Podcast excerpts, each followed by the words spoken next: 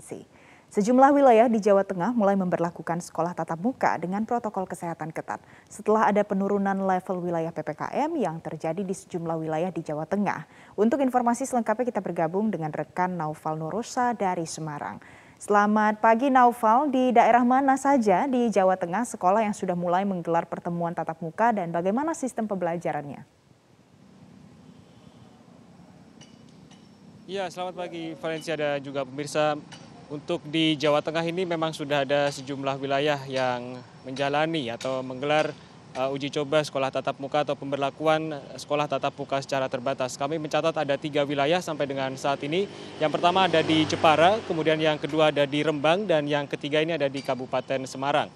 Dan untuk mengenai sistem atau formulasi pembelajaran tatap muka ini memang hampir sama di wilayah-wilayah tadi, di mana untuk jumlah siswa dibatasi 50% dari kapasitas penuh, Kemudian jam belajar juga dibatasi 2 sampai dengan 5 jam dan juga adanya sistem rotasi atau sistem masuk bergiliran antar kelas.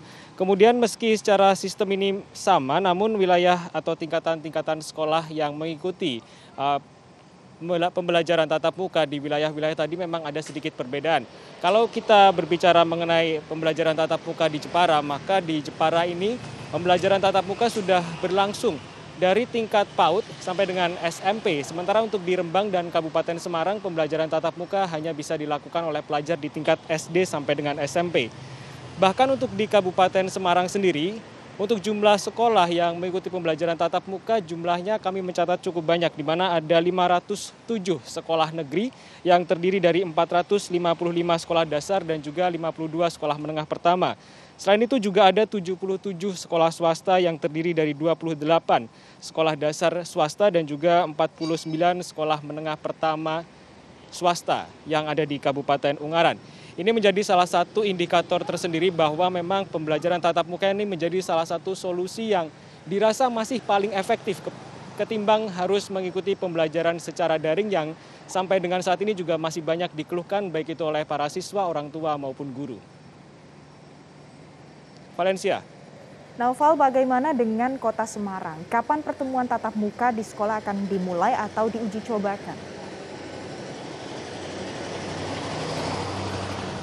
Ya, untuk di kota Semarang sendiri memang belum dilakukan pembelajaran tatap muka ataupun uji coba. Namun dari Dinas Pendidikan Kota Semarang ini sudah menargetkan ataupun sudah menetapkan bahwa pembelajaran tatap muka di Kota Semarang akan berlangsung pada bulan September. Dan dalam waktu-waktu dekat ini diminta atau diharapkan untuk pihak sekolah maupun orang tua siswa dan siswa ini bisa mempersiapkan semuanya agar nanti saat pembelajaran tatap muka berlangsung semuanya sudah dalam kondisi yang baik, sudah dalam kondisi yang nyaman dan sudah dalam kondisi yang aman untuk bersekolah lagi.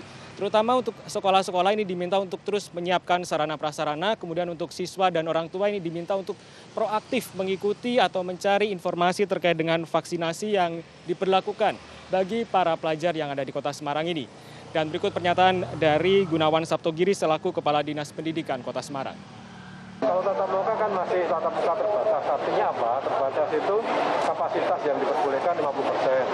Kemudian jam pelajaran sehari eh, maksimal 4 jam pelajaran, paling enggak 2 jam. Kemudian kalau per hari ya maksimal siswa itu eh, 3 hari, tapi di Kota Semarang kita eh, 2 hari. Kemudian harus eh, sudah ada sekolah membentuk eh, SOP dan juga membentuk Satgas Covid. Kemudian sekolah harus sudah menyiapkan sarana prasarana untuk menerapkan protokol kesehatan secara terbatas. Selain itu diharapkan uh, Valencia dan juga pemirsa apabila nanti pembelajaran tatap muka ini memang baru bisa dijalankan pada bulan September akan memberikan kelonggaran waktu bagi siswa-siswa dan juga pelajar untuk menerima vaksin. Karena dari informasi yang kami terima dari Dinas Kesehatan Kota Semarang sendiri untuk jumlah vaksin bagi pelajar di Kota Semarang ini baru berada di angka level atau 14 persen sehingga diharapkan sebelum bulan September bisa terus ditambahkan sehingga nanti kondisi pembelajaran tatap muka bisa berlangsung dengan baik.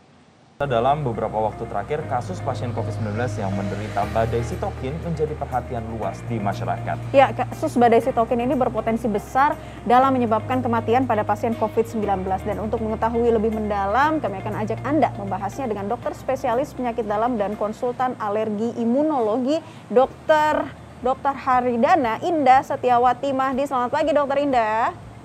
Selamat pagi, salam sehat. Salam sehat selalu, Dokter Indah. Pertama-tama yang ingin kita tanyakan di sini adalah apa yang menjadi pemicu atau penyebab dari badai sitokin sehingga menyebabkan angka kematian yang begitu tinggi bagi pasien COVID-19 bahkan di atas 50 persen tadi ya? ya grafisnya.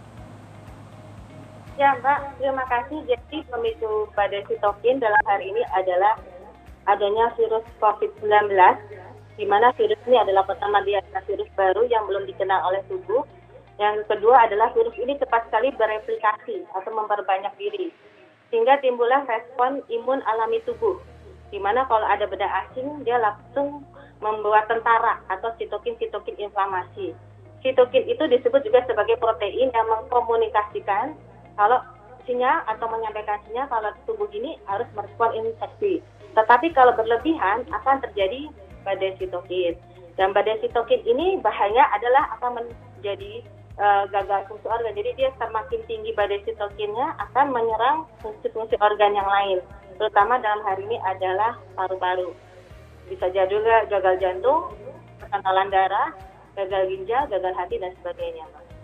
Oke, Dokter Indah, mungkin bisa lebih disederhanakan penjelasan terkait dengan situasi badai sitokin ini sendiri. Kalau dianalogikan, misalnya di dalam tubuh, badai sitokin ini, ini kondisi yang seperti apa sih, Dokter Indah? Ya, jadi kalau di, lebih disederhanakan, jadi kan kita tuh dalam tubuh kita itu dikasih Tuhan itu tentara dalam tubuh kita punya tentara. Nah, respon imun kita itu ada yang didapat dari ibu misalnya dari ASI dulu, terus kemudian ada yang kemudian didapat juga dari vaksinasi. Nah, nah untuk itu begitu ada virus COVID-19 masuk atau mungkin bakteri yang lain atau virus yang lain, nah tentara-tentara kita ini akan berjuang untuk mengusir virus-virus itu dari dalam tubuh kita. Bukan hanya virus bisa juga bakteri atau parasit atau yang lain gitu mas. Jadi hmm. karena ini virus COVID-19 ini baru karena virus eh, ini baru banget ya jadi kan kita belum punya antibodi tuh. Dan COVID ini kan gampang sekali bereplikasi apalagi bermutasi. Akibatnya terjadi sitokin-sitokin yang yang gampang sekali eh, banyak banyak menyerang tubuh kita. Akibatnya terjadi gagal organ karena terlalu banyak akhirnya merusak organ tubuh kita gitu. Baik, Dokter Indah, gejala-gejala dari badai sitokin ini apa saja nih yang perlu kita waspadai? Karena uh, banyak pasien yang mungkin mengalami gejala yang lebih berat gitu, apakah juga langsung bisa diindikasikan bahwa dia mengalami atau mengidap badai sitokin? Katakanlah seperti demam atau sesak nafas yang lebih berat dari pasien COVID-19 biasanya. Ya, betul Mbak. Jadi memang kalau namanya badai sitokin itu kan sebenarnya virusnya itu misalnya seminggu ini kan ada ada beberapa fase nih. Fase awal itu tadi yang Mbak bilang gejala-gejalanya seperti lemas, demam, mual, muntah, bahkan bisa kejang, terus kemudian menggigil, kelelahan dan sebagainya. Nah kemudian masuk ke fase ke pulmonari atau paru-paru. Nah ini yang bahaya karena sebentar lagi bisa jadi fase badai sitokin. Akibatnya bukan hanya paru-parunya rusak, tapi seluruh organ yang di dalam tubuh kita bisa rusak. Nah nanti kalau misalnya ada kontak misalnya dengan uh, yang terinfeksi COVID keluarga atau teman atau kerabat, sebaiknya segera melakukan PCR. Seandainya positif, kita segera menghubungi dokter atau puskesmas setempat. Jadi untuk melakukan isolasi mandiri itu jangan hanya sendiri, tetap harus menghubungi karena khawatirnya terjadi tadi itu hipoksia yang tiba-tiba, makanya kita kan harus memakai pul oximetry misalnya Nah, sedangkan isoman itu juga ada paket-paket vitamin, paket-paket obat supaya tidak terjadi badai sitokin gitu, Mbak. Oke, hmm. Dokter Indah. Tapi kalau untuk mengetahui seseorang yang mengidap COVID-19 ini, kemudian juga ada kondisi badai sitokin di tubuhnya, pemeriksaan seperti apa yang bisa dilakukan? Nah, itu Mas. Jadi uh, banyak pemeriksaan-pemeriksaan yang dilakukan. Misalnya kalau misalnya terjadi ke hiperkoagulasi atau darahnya kental, jadi bisa kita lihat cek dengan pemeriksaan dimer misalnya atau CRP melihat melihat apa kalau infeksinya tinggi atau ferritin yang di dalam darah banyak yang bisa dikerjakan memang untuk melihat apakah ini sudah mulai ke arah ke arah yang badai sitokin atau fungsi-fungsi inflamasi misalnya tentang interleukin 6 tapi itu dari dokter yang merawat atau dokter bersangkutan yang merawatnya gitu mas. Baik, uh, dokter Indah katakanlah mereka yang sudah mengidap badai sitokin ini begitu, apa yang perlu dilakukan agar tidak menyerang sistem organ yang lain, agar tidak memperparah bisa, sehingga akhirnya bisa menyebabkan kematian? Ya, itu pertanyaan bagus sekali, Pak. Jadi kalau misalnya kita yang sebagai tenaga medis memang tidak boleh lambat. Jadi kalau sudah mulai misalnya ada tanda awal dari badai sitokin, kita harus segera pertama jangan terlambat, kita harus segera memberikan anti sitokin inflamasi lah istilahnya ya obat-obatan itu juga ada dan kemudian yang paling penting juga adalah penyakit komorbidnya juga diatasi. Misalnya ya ada diabetes nah obat diabetes kita berikan kemudian obat jantung kita berikan kita kontrol supaya tidak akan memperparah dari kerusakan organ tersebut mbak. Nah itu memang tergantung dari masing dokter yang menangani Oke, uh, Dokter Ida, untuk kondisi orang yang mengalami badai sitokin ini, ini biasanya gejala-gejala yang muncul atau simptom yang muncul ini bisa berapa lama? Apakah juga satu orang dengan orang yang lain akan sama? Ya, itu bagus juga mas pertanyaannya karena satu orang bisa ada tuh kejadian saya baca di India itu uh, jadi badai sitokinnya dia itu sudah membaik, sesungguhnya timbul lagi, timbul lagi. Itu bisa jadi karena ada mutasi virus yang lain. Nah, memang memang kita nggak bisa memastikan berapa lama orang itu bisa uh, badai sitokinnya itu berapa hari, berapa minggu, atau berapa bulan gitu mas. Tapi bisa memang kalau tambah lama memang terjadi kegagalan fungsi organ, misalnya paru-paru gagal paru, jadi terjadi uh, gagal paru atau ARDS, acute respiratory distress syndrome, akhirnya terpaksa pakai ventilator dan itu seperti itu. Jadi multi organ virus semuanya jadi rusak dalam badannya.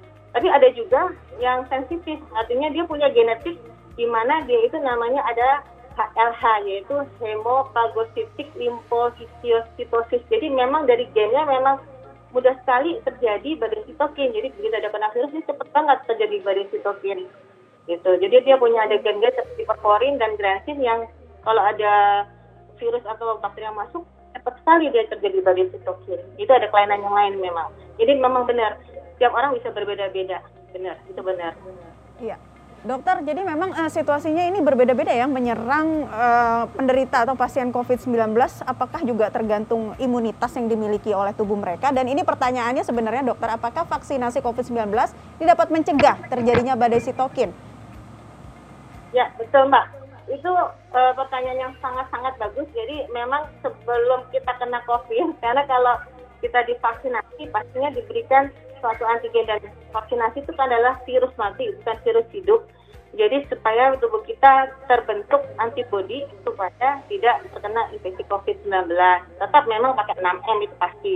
Andai kata kena andai kata kena tidak separah jika tidak pernah vaksinasi. Karena tubuh kita sudah kenalan nih dengan virus. Kalau belum pernah kenalan ya itu tadi. Badai sitokinnya karena ini virus baru dan tidak pernah kenalan ya tambah hebat. Apalagi ada ada lain di sini penyakit komorbid yang lain gitu Pak. Oke, Jadi, Dokter Ida tadi berat, ya. Ya, artinya memang kalau kita sudah divaksin ini uh, mengurangi mortality atau kefatalan bagi orang yang sudah uh, yang terkena atau uh, mengalami yang namanya uh, tok, uh, badai sitokin ini. Dokter, tapi kalau kita melihat tadi sudah membahas juga gejala-gejalanya yang mungkin uh, ada sesak nafas sampai kemudian batuk yang mungkin lebih berat dibandingkan dengan orang-orang uh, pasien COVID-19 pada umumnya. Tapi kalau kita berbicara gejala-gejala dini yang mungkin bisa dideteksi lebih awal, kira-kira bisa kelihatan dari apanya ini, Dokter Indah? Ya, jadi memang kalau COVID-19 ini kan sebenarnya seperti kita bilang itu punya seribu wajah, Mas apalagi sekarang sudah banyak mutasi virus yang masuk ya.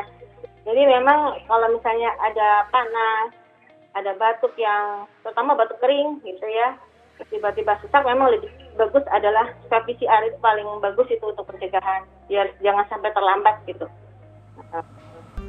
Kali ini tim ekspedisi Bakti untuk Negeri berkesempatan mengunjungi salah satu desa Temajuk yang terletak di Kecamatan Paloh, Kabupaten Sambas, Kalimantan Barat. Di mana tak hanya menawarkan wisata sejarah, namun Kalimantan Barat ini juga memiliki deretan pantai yang sangat indah.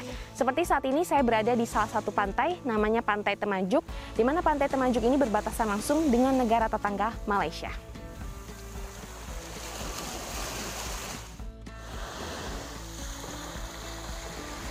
Pantai Temajuk dijuluki surga di ujung Borneo. Maka tak heran biasanya para wisatawan yang datang adalah turis mancanegara, khususnya dari Malaysia bahkan Singapura. Mereka rela berkunjung ke pantai ini untuk menikmati indahnya matahari terbenam.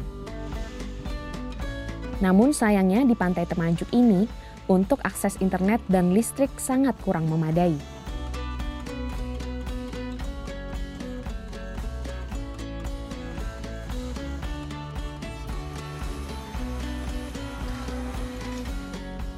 Kita untuk melakukan promosi khususnya di Desa Temajuk ini melalui media sosial, jaringan internet. Nah, kendala kita sampai sekarang kita masih menggunakan jaringan internet Malaysia yang kadang ada, kadang tidak. Dan untuk jaringan internet di desa kita ini memang benar-benar minim dan tidak memadai. Nah, itulah kesulitan kita pada saat ini. Dan sehingga banyak e, wisatawan itu membatalkan untuk datang ke desa kita untuk berlibur dikarenakan jaringan internet itu tadi tidak ada. Kami sangat mengharapkan untuk seperti infrastruktur jalan itu dibangun e, sehingga wisatawan enak masuk ke daerah wisatawan eh wisata Temajuk. E, kemudian jaringan internet sehingga kami bisa melakukan promosi uh, untuk dikeluar kemudian listrik sehingga kami bisa melakukan pelayanan lebih baik nah itu aja Meski masih kurang diketahui banyak orang, Pantai Temajuk ini tak kalah indah dengan pantai-pantai lain di Indonesia. Garis pantai yang dihiasi karang batu dan semakin cantik dengan gradasi warna air laut yang jernih ketika cuaca cerah. Daya tarik destinasi wisata ini adalah hamparan pasir putih dan deru ombak yang memanjakan mata. Untuk mendongkrak pariwisata, tersedia juga homestay atau tempat penginapan di area pantai.